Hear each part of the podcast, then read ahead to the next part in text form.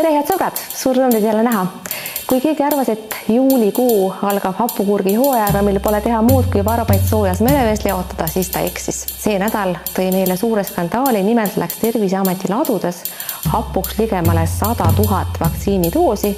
Neist suurem osa oleks tulnud juba ammugi olla inimestele ära süstitud kui selline asi oleks juhtunud mõnes erafirmas, siis lendaksid pead, inimesed kaotaksid oma töökoha, suured trahvid tuleksid kaela aga mitte Terviseametis, mitte ministeeriumis, mitte valitsuses. lannod, seerid, kiiged püsivad sadulas hoolimata sellest, et avalikkuses nõuavad paljud-paljud hääled nende pikale puhkusele saatmist kindlasti Sotsiaalministeeriumi tippjuhid peavad ennast kokku võtma, et need probleemid lahendada. isegi see oli pikka aega segane, kas Eesti piirile saabujatelt negatiivset koroonatesti tohib nõuda. väga loodan, et saame siin need õiguslikud küsimused lahendatud. näiteks nendel, kes tulevad Venemaalt, kust möllab parasjagu eriti tige delta tüvi. Õnneks jõuti kolmapäeval kokkuleppele, et negatiivset testi tohib nõuda, kuid selle protsessi venimine on olnud üks näiteid, mis näitab, kui palju Eesti on koroonavastases võitluses tegelikust, reaalsest elust maas. samal ajal üritavad erakonnad, tuleb tunnistada üsnagi abitult, elu sisse puhuda maksudebatile. Kui keegi pärast kohalike omavalitsuse valimisi veel peaks rääkima omavalitsuste maksubaasi suurendamisest, siis võiks muidugi tore olla, kuid praegu paistab, et Reformierakond püüab seda teemat ära kasutada kohalike omavalitsuste valimiste eelses võitluses. Keskerakond aga omakorda püüab tähelepanu kõrvale juhtida koroona teemalt ja õõnestada oma valitsuspartneri jalgealust maksudebati algataja teatavasti on Jüri Ratas, kes on selle idee käinud juba välja varem ja kellele praegu kiidab hoogsasti takka tervise- ja tööminister Tanel Kiik, kelle peamine ülesanne peaks olema inimeste võimalikult kiire äravaktsineerimine. vaktsineerimisega aga on kehvasti. tervise- ja tööminister Tanel Kiik saab nüüd ja praegu võimaluse öelda, et astub oma ametikohalt tagasi seda nimelt algavas saates Vilja küsib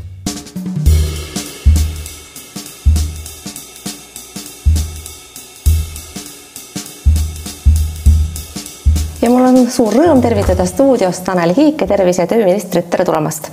Tervist!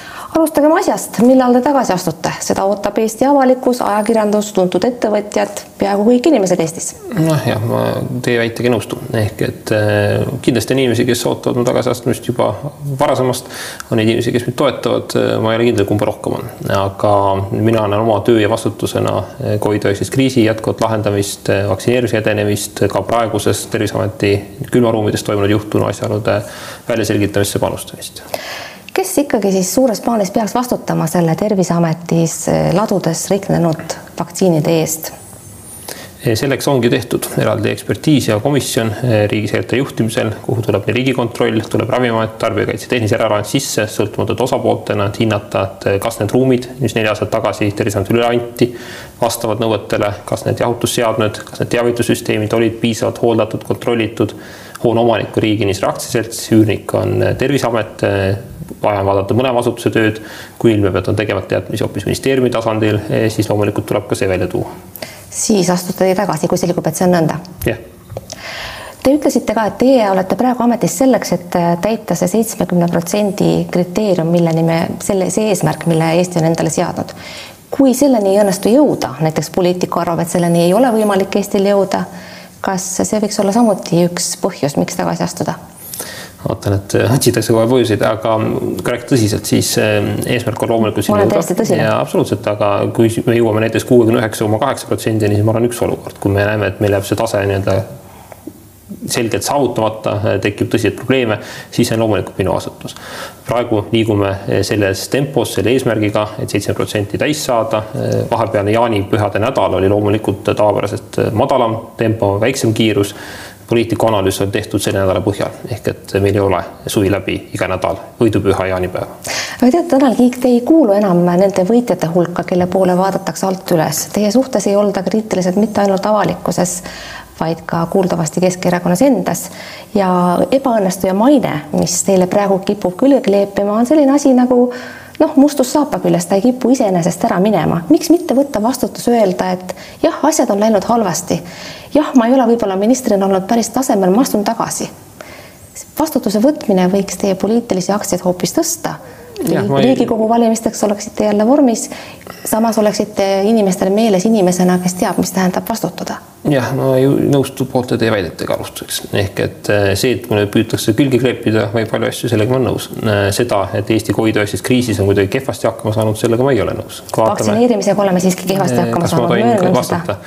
Eesti on Covid-19 näitatud, et vaatame surmajuhtumeid, vaatame majanduskasvu, on pare, üks paremaid riike maailmas. vaatame vaktsineerimist, räägime sellest, mis on praegu aktuaalne. vaktsineerimise hetkel tegeleme jah, vaktsineerimise puhul kriitika oli siis, kui me olime esimese kolme seas, kriitika on praegu kolme all, suhteliselt samalaadne. ehk loomulikult eesmärk on jõuda seitsme protsendi tasemele, me teame, et teatud nii-öelda vaktsiinitarneid, teatud vaktsiinilepinguid tagasiulatuvalt oleks võinud teha teisiti, see on probleem, mis on kimbutanud ka meie näiteks lõunanaabreid oluliselt suuremas mahus. aga praegu on küsimus eeskätt inimeste motivatsiooni hoidmises, nendele mugavate võimaluste pakkumises, millega ka tegeleme. Eh, seda, et on kriitikuid, kriitikuid on alati, Keskerakonna sees neid nüüd liiga palju ei ole. Ja teie hinnang sellele, et võib-olla poliitiliselt oleks kasulikum tagasi astuda, no ma ei ole sedasorti mõtteviisiga, et teha selliseid konjunkturistlikke otsuseid. Praegu tõsiselt tuleb see kriis ära lahendada olukorras, kus on niikuinii teada, et tuleb terviseala asekantsleri vahetus tulenevalt ametiaja lõppemisest. on teada, et vaktsineerimise projektijuhi tööleping on nüüd augusti lõpuni, hetkel on käimas ka uurimine seotud tõesti siis Terviseameti lausjuhtunuga ma arvan, et pole väga hea mõte, et kõik äh, vaktsineerimist ja COVID-19 kriisi lahendamist juhtivad inimesed äh, vahetuvad ja loodame, et selle pealt hakkab imetabaselt kõik paremini minema. Te räägite kiiresti ja soravalt ja ma teen sellest pikast jutust lühikese järelduse, et tagasiastumine ei ole mõte, mis teie peas liiguks. kas selle üks põhjus võib olla ka see, et teil ei ole tegelikult kuhugi tagasi minna, teil ei ole Riigikogu mandaati, te pole olnud erakordselt, te pole olnud eriti hea häältemagnet mitte kunagi.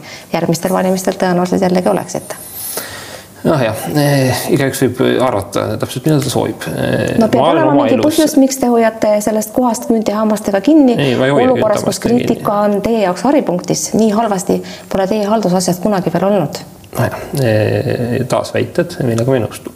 alustame järjest, ehk eh, mina oma ametikohta kindlasti nii-öelda eh, ainsa leivateenimise võimalusena ei näe. ma olen olnud ametis väljaspool poliitikat, poliitikas leiaksin rakendust nii erasektoris kui ka muudel poliitilistel ametikohtadel, et see ei ole kindlasti probleem. missugused kas... ikkagi oleksid teie šansid erasektoris, vabandage väga? ma olen ise töötanud seal, ma olen olnud ettevõtte omanik, olen kinnisvaraga tegelenud, võin seda kõike teha ka tulevikus. mis puudutab seda nii-öelda eh, noh, võimalikku tagasiastumist, loomulikult see mõte käis läbi eh, esmaspäeval, kui see olukord jõudis nii-öelda üha, üha selgemaks, loomulikult ma kaalusin tõsiselt seda küsimust, et mis oleks antud juhul nii-öelda õige, mõistlik, millised need asjaolud, aga kuna seda ebaselgust oli siis ja on siiani liiga palju. ja nägin ka väga selgelt seda teist poolt, nagu viitasin, et praeguses protsessis jätta nii-öelda kõik see pooleli, anda kellelegi üle keset suvekuusid. esiteks ministri ametisse astumiseks peab ka parlament kogunema. ehk et see ei ole ka nii lihtne protseduur, et, et see lihtsalt ei tundunud vastutustundlik, tundus mõistlik oodata esiteks ära asjaolude selgumine, ilmnemine, komisjoni töö ja samal ajal tegeleda edasi vaktsineerimisega, Covid-19 tõrjega ja kõige muude väljakutsetega, mis okay, tervishoiu valdkonnas on ees. see mõte on teil peast läbi käinud, seda, see on, on hea et, et see nii siiski on. kuid millega võiks seletada seda, et hästi, võib Terviseameti ladudes juhtunu võib ju olla ka pahandus, inimesed võivad seda mõista ka niimoodi, kuid millega seletada seda, et teie maine on nagu üldse kehvemaks läinud, sealhulgas ka Keskerakonnas endas, esimese valitsuse järel oli teie usaldusväärsus väga kõrge. see on kahanenud ja ka teie mõju. mille põhjal te väidate seda? Et ta on vähenenud. mulle on seda räägitud ah,. päritud mitmetest allikatest. no siis küll. jah, et mis, mis võib selle põhjus olla, et teid Keskerakonnas ka enam nii tõsiselt ei võeta kui varem? no see väide ei vasta tõele, ehk et mina usun erinevaid uuringuid, mina usun numbreid. viimases noh, poliitikute usaldusväärsuse uuringus mul tulemus oli päris hea. erakonna viimasel kongressil sain juhatuse valimistel kõige rohkem hääli, olen ka täna erakonna aseesimees. aga ometi näiteks eh. ei ole te võimalik pretendent erakonna juhi kohale, kui Jüri Ratas peaks lahkuma teie nimi selles kontekstis pole kordagi läbi käinud. no on ikka, on ikka korduvalt. mitmed piirkonna liikmed, mitmed piirkonna esimehed on mulle pöördunud selle küsimusega. täna olen mina öelnud kõigile, et erakonna juht olemas, erakonna esimees olemas. tänase seisuga eh, ta jätkab riigi, vabandust, Riigikogu esimehe pluss erakonna esimehena hetkeseisuga vabariigi presidendis ei kandideeri. kui see olukord peaks muutuma, siis loomulikult on nii-öelda kõik need küsimused taas nii-öelda nagu öeldakse laual. aga praegu elame päev korraga, tegeleme kriisi lahendamisega ja mul on päris palju tööd ka tänases ametis, sealhulgas Keskerakonna aseesimehena ehk et ma ei näe ka niisugune põhjust nii-öelda trügida äh, kolmekümne kahe aastaselt ilmtingimata veel uusi ametikohti võtma. millega seletada seda, seda neile inimestele, kes äh, ütlevad, et äh, meie vaktsineerimisprobleemid praegused, said alguse juba eelmise valitsuse ajal ja teie olete see ühenduslüli eelmise ja praeguse valitsuse vahel. mida öelda neile, kes, kelle meelest te jätsite siis juba päris palju tööd tegemata? Tehtud siis juba, ehk et väga paljud mured, mis olid esimeses kriisis, on isikukaitsevahendid. aga räägime sellest, mis jäi tegemata, et seesama vaktsineerimise teema Nii. oleks võinud saada juba ettevalmistuste kujul hoo sisse eelmise valitsuse ajal, ta ei saanud. Eh, jälle ei vasta tõele, ehk et loomulikult ettevalmistusi tehti, immunoprofülaktika komisjon kogunes, haiglate perearstidega peeti nõu, tehti vajalikke lepinguid. tegelikult võib öelda, Eesti nende põhilepingutes tegi ka päris õigeid valikuid, ehk me hajutasime portfelli hilisemate lisalepingute faasis. täna info pinnalt oleks kindlasti rohkem panustada Pfizer BioNTechi, Moderna peale, kes osutusid oluliselt kiiremaks kui mitmed muud vaktsiinitootjad, kes seni müügiluba eh, saanudki. ehk loomulikult on tehtud nende vigu, on tehtud need objektiivseid vigu, on tehtud ka neid asju, mida oleks võinud teha teisiti, rohkem teha, seda on alati nii. aga väita seda, et midagi ei tehtud, väita seda, et kuidagimoodi suvi läbi puhati, ma olin ise tööl pärast kogu suve, ma tean, et ei puhatud. aga miks siis ikkagi asjad praegu toppavad, miks on vaktsineerimise tempo nii alla läinud? Eelmine nädal oli all tulenevalt jaanipühade perioodist, see nädal on ta juba kiirem kui eelmisel nädalal, mitte veel sel tasemel, mis ta oli siin mais, mis ta oli siin aprillis.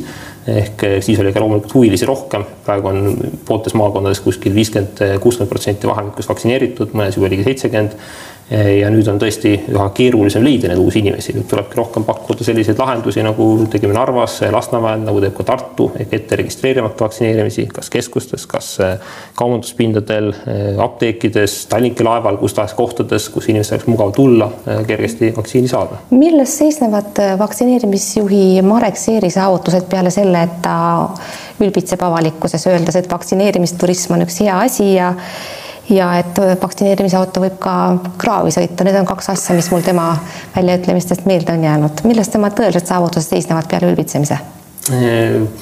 jah, Covid-19 on, on nii tõsine asi, et siin tõesti tundub, et nii-öelda nalja teha ei tohi.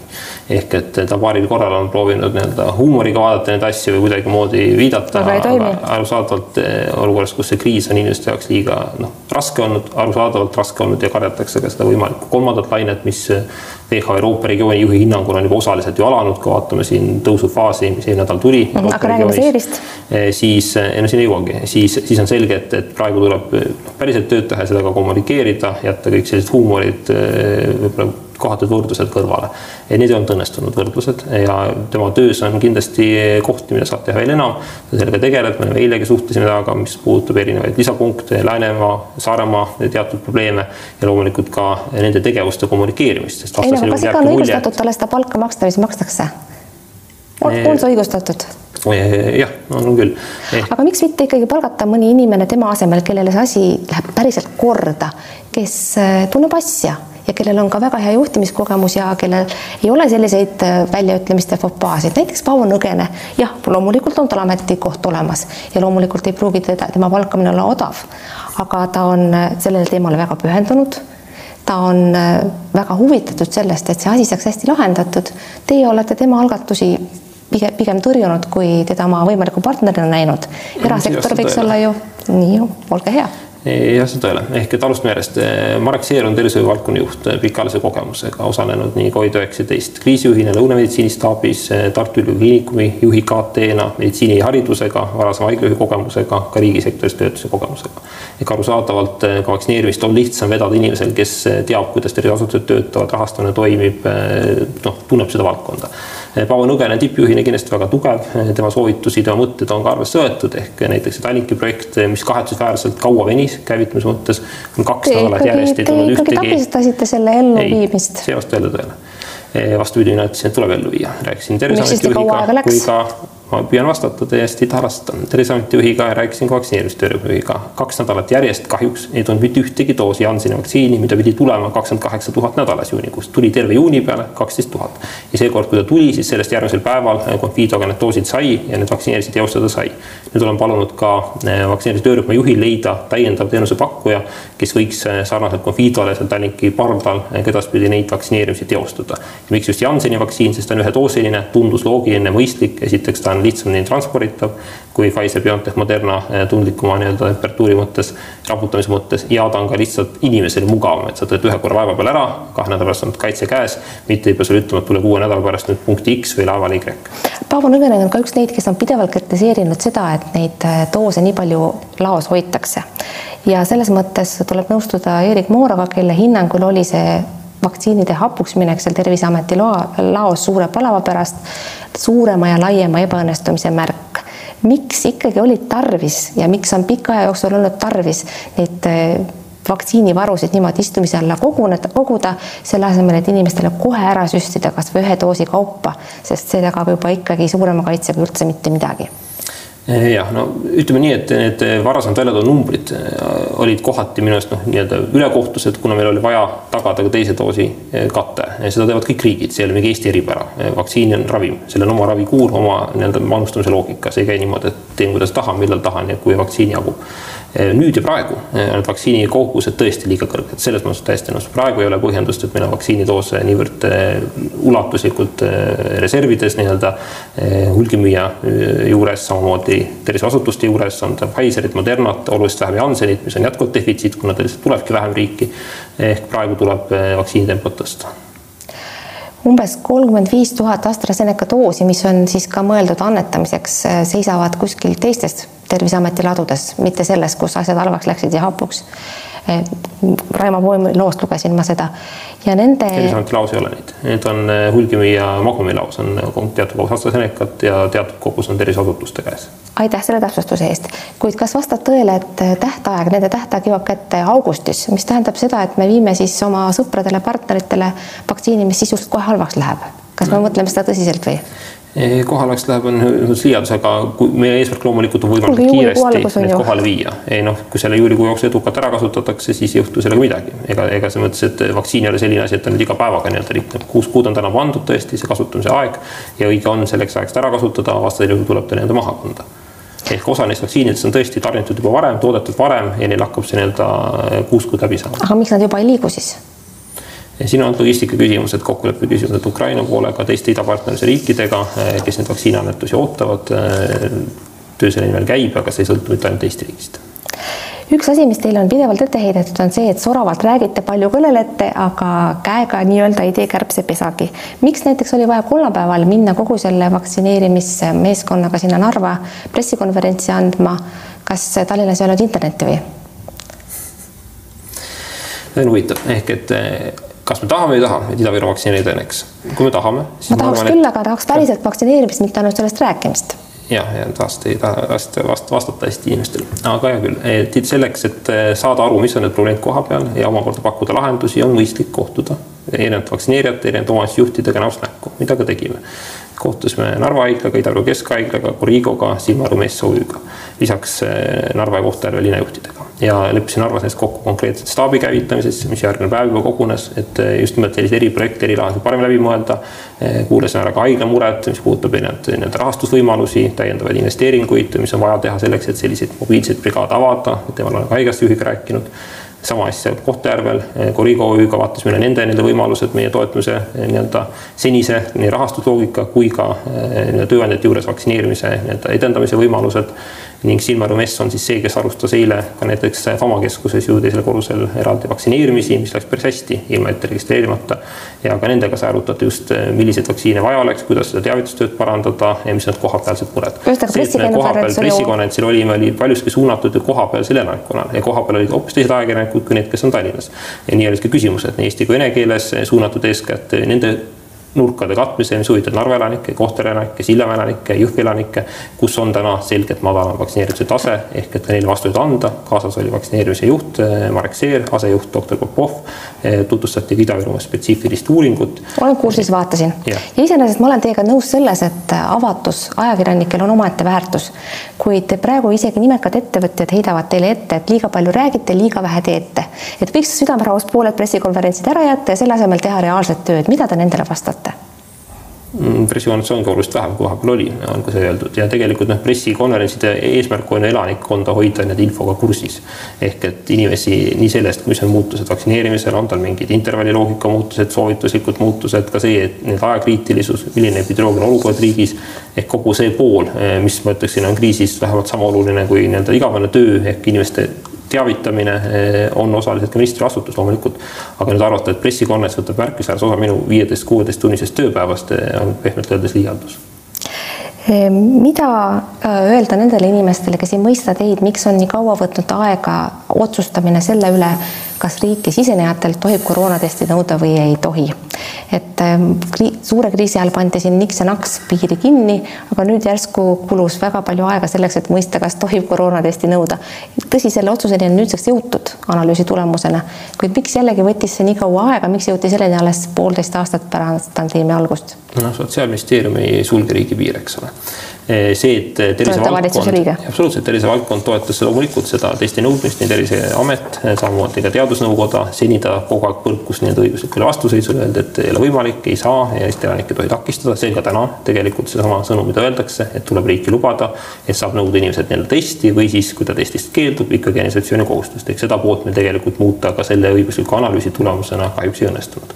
välismaalaste puhul ütleb tõesti nüüd Justiitsministeeriumi analüüs, et meil on võimalik olla mõnevõrra rangem kui seni, ehk et kui inimesel pole usaldusväärset Covidi tõendit vaktsineerimise kohta, läbipõlemise kohta, siis me võime kohustada negatiivset testi tegema, kas koha peal eh, või nii-öelda ette näitama ja kui ta sellest keeldub, siis teda lihtsalt riiki ei lubata, ehk see on nüüd uus no,. mis on täitsa elementaarne kujunenud olukorras, kas pole? see on mõistlik, jah. hästi lõpetuseks mõni sõna maksudebatist, millegipärast arvab Keskerakond, et just praegu, kus kõige tähtsam ülesanne peaks olema kõik inimesed ära vaktsineerida, kes vähegi võimalik, oleks õige aeg pidada maksudebatti. miks Keskerakonnas sellega nüüd niimoodi välja tuldi siis? kõige kibe, kibedama kriisi keskel ega ka Covid-19 kriisi ajal on jätkuvalt korranud, neid teemasid, muresid, mis saavad lahendamist, on märksa rohkem, kui võib-olla ilmtingimata välja paistab, on ta vähiravi, on ta südame-rasva haigused, on ta haigekassa rahastuse küsimused ja on ta ka sotsiaalvaldkonna mured. näiteks nagu hoolduskindlustus, millest ma isiklikult olen kirjutanud. ega need mured pole kuskile kadunud ja see, et praegu pandeemia on arusaadavalt inimeste nii-öelda peas aktuaalsem, ei tähenda seda, et ta printsiibis oleks suurem mure või suurem probleem või väljakutse kui pikaajaline tervishoiusüsteemi, hooldussüsteemi jätkusuutmatus no,. Need on küsimused, millele tuleb ka praegu tähelepanu tähelepanu juhtida, neid ei saa edasi lükata. me tegelikult tegime maksupoliitika töörühma, mida mul on au juhtida juba oluliselt varem, vahetult enne kriisi, kuna tuli see pandeemia peale, siis arusaadavalt ma enda nii-öelda rolli seal noh, ei saanud nii aktiivselt kanda. poolteist aastat olen peamiselt tegelenud selle pandeemiaga.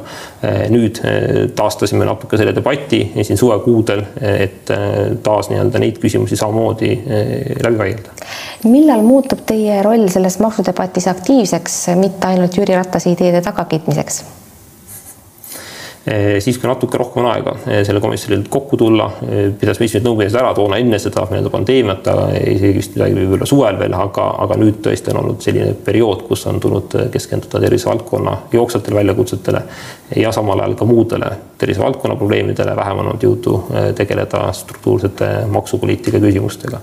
mis puudutab erinevate ideede, nende tagakiitmist, mittekiitmist, siis meil on Jüri Ratasega mitmes küsimuses sarnane maailmavaade, et on see hoolduskindlustuse küsimus, on need muud sellised astmelise tulumaksu tulumaksu küsimused, ettevõtete kasumi küsimused, ma arvan, et see on ka põhjus, miks me oleme samas erakonnas. hoolduskindlustusest rääkides teile heidetakse ette, et seda maksu oleks võinud, selle asemel oleks võinud jätta laskmata teoks teha seda pensionireformi või siis Keskerakonna vaatest võiks ju iseenesest ka tasuta bussisõidu ära lõpetama, lõpetada, isegi sotsialistlikes maades küsitakse bussis pileti eest raha ei, ma saan täitsa aru sellest samba reformi võrdlusest, siin on oma nii-öelda loogika ehk kindlasti pensionist kogune mõistlik, nii kui ütlesin ka tol hetkel, kui seda samba reformi tehti. ja ma isiklikult arvan, et, et pigem on ka enamikel äh, tasakaalukam valik seda välja võtta, kas kõrgemas eas äh, või siis tõesti kriitilise vajaduse korral, mitte pelgalt nii-öelda noh, juhukulude katteks. aga kui me räägime tänastest eakatest tänasest probleemist, siis sellest tuleb ka aru saada, teine sammas ei lahenda tänase eaka küsimust eh, hoolde, hooldekodukoha tasu osas ega tema lähedaste muret. selleks Aga... tuleb leida teisi lahendusi, neid kahte asja ei saa nii-öelda panna ühele kaalule.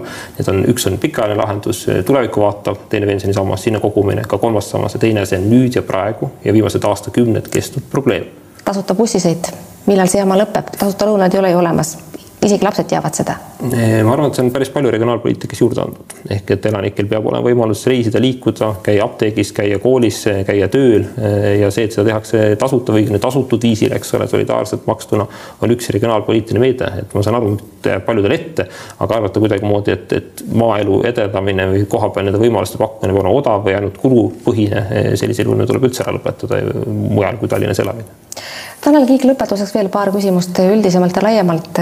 milline on valitsuse tervis, teie kui valitsuse liige peaksite seda otseallikast kõige paremini teadma? valitsuse tervis on päris hea, töine. miks me peame leppima sellega, et presidendi kandid-, president valitakse seegi kord tõenäoliselt valimiskogus, miks ei suuda erakonnad täita oma ülesannet valida president ära Riigikogus? ja no minu meelest see valimissüsteem tervikuna on ebaõnnestunud. Mina isiklikult toetan otsevalimisi, ma arvan päriselt, et see oleks hea debatile ja rääkida kuidagi, et inimene ei oska presidenti valida, on lihtsalt jabur. tuletan meelde üheksakümmend kaks aastat kolm kõige populaarsemat presidendikandidaati olid vastavalt Lennart Meri, teises järjekorras Arnold Rüütel esimene, Lennart Meri teine, kolmas Rein Taagepera. kaks tükki neist saidki tulevikus presidendiks, kolmas oleks samuti sobinud sinna ametikohale. ei saa öelda, et Keskerakond oleks väga palju pingutanud oma eesmärkide saavutamisel. see eeldab väga suurt eh, toetust, kui see eeldab põhiseaduse muutmist. ehk et see ei ole pelgalt nii-öelda parlamendi koosseisu enamus, vaid see on kahe järjestikuse koosseisu poolt või erakorraliselt eh, juba oluliselt suurema nüüd enamusega otsuse tegemine. Keskerakonnal selliseid eh, hääli parlamendis ei ole. mis puudutab praeguse süsteemi, siis minimaalne, mida saaks teha ja oleks tulnud teha, on tuua see kandidaatide esitamine ettepoole. ehk et see, et eh, kogu see debatt võib teoreetiliselt toimuda mõne päeva jooksul, vahetult enne parlamendivooru, on tegelikult kahetsusväärne. me valime riigipead viieks aastaks, inimesed väärivad võimalust küsida küsimusi, kohtuda, arutelu pidada, saada aru, kes on kandidaadid. kahjuks seda hetkel võimalik ei ole. kas pole mitte teie erakonna juht Jüri Ratas oma panust andnud sellesse, et see debatt ei saaks alata, kuna pidi pikalt kuude viisi ootama seda, kuidas tema otsustab või ei otsusta tegelikult tegi ta see ju. kuidasmoodi ta takistas teiste kandidaatide väljatulekut? no aga kes siis hakkas välja tulema, kui oodati Jüri Ratase otsust? no aga Jüri Ratas on öelnud juba ammu, et, et see nimekiri alga nii-öelda tema nimest. väli on avatud, ma ei näe neid kandidaate. Ehk et küsimus ei ole mitte Jüri Ratases, küsimus on tänasest valimissüsteemist, küsimus on ka selles, et parlamendis on vaja väga suurt toetust ehk kahte kolmandikku, kuutekümmet kaheksa häält, mida kõik saavad aru, et kerge pole saavutada. ja küsimus on ka selles, nagu paljud öelnud, et kes iganes oma nime välja paneb, peab arvestama sellega, et kõikvõimalikud mineviku patud, nii need, mis on tehtud, kui need, mida pole tehtud, tuuakse välja. Nendest tuleb hakata aru andma ja ei ole väga palju Eestis inimesi, kes soovivad sellist äh, kriitikat see on ülimalt kahetsetav.